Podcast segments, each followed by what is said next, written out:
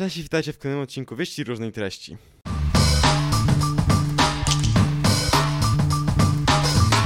Tak, zaczynamy niestety od smutnych informacji. Przede wszystkim y, królowa Elżbieta nie żyje, czyli Maryla Rodowicz wygrała.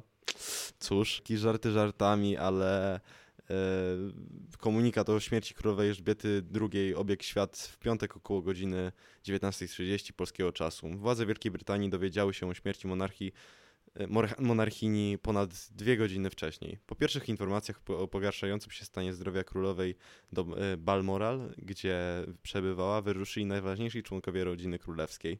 Niestety nie wszystkim udało się dotrzeć na czas i nie zdążyli się pożegnać. Informację o jej śmierci poprzedził komunikat o pogarszającym się stanie zdrowia monarchini. Królowa Elżbieta II jest pod, pod nadzorem medycznym w rezydencji Balmoral w Szkocji.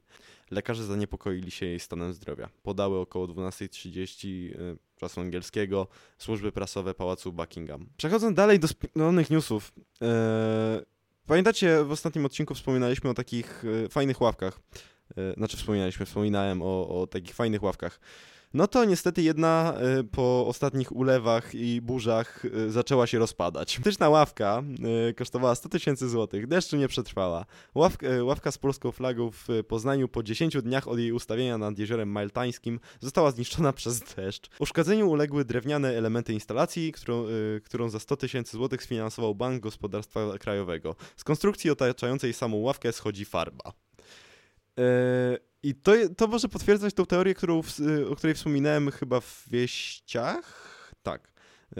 e, O której wspominałem w ostatnim odcinku, że to może być jeden wielki wałek po prostu, standardowe umawianie się na przetargu na daną kwotę, a ile faktycznie te ławki y, kosztują w produkcji, to jest inna sprawa.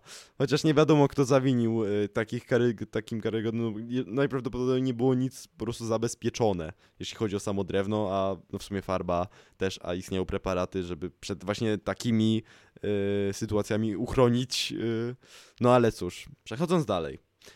To już 199 dzień rosyjskiej inwazji. Pojawiają się pierwsze doniesienia o tym, że ukraińskie wojsko wyzwoliło dwa kluczowe miasta Izium i Łyman. Wcześniej dotarło do Kupiańska, stolicy rejonu w obwodzie Cha- charkowskim. Na południu zaś wepchnęło rosyjskich najeźdźców w pułapkę. Około 25 batalionów wroga zostało otoczonych. Ukraińcy w tym tygodniu przeszli do kontrofensywy w obwodzie charkowskim i zdołali wedrzeć się na kilkadziesiąt kilometrów w głąb rosyjskich pozycji. Trzymamy kciuki za nich, żeby tak dalej. Yy, niedługo najprawdopodobniej pojawi się odcinek o pewnym panie, który tym teoretycznie wszystkim zarządza. A teraz, tak już na zakończenie, znowu ten hit. A konkretnie reakcja Czarnka na yy, pewne działania burmistrza Ustrzyk Dolnych, który zakazał używania yy, podręcznika do yy, historii teraźniejszości art- autorstwa, profe- autorstwa profesora Wojciecha Roszkowskiego.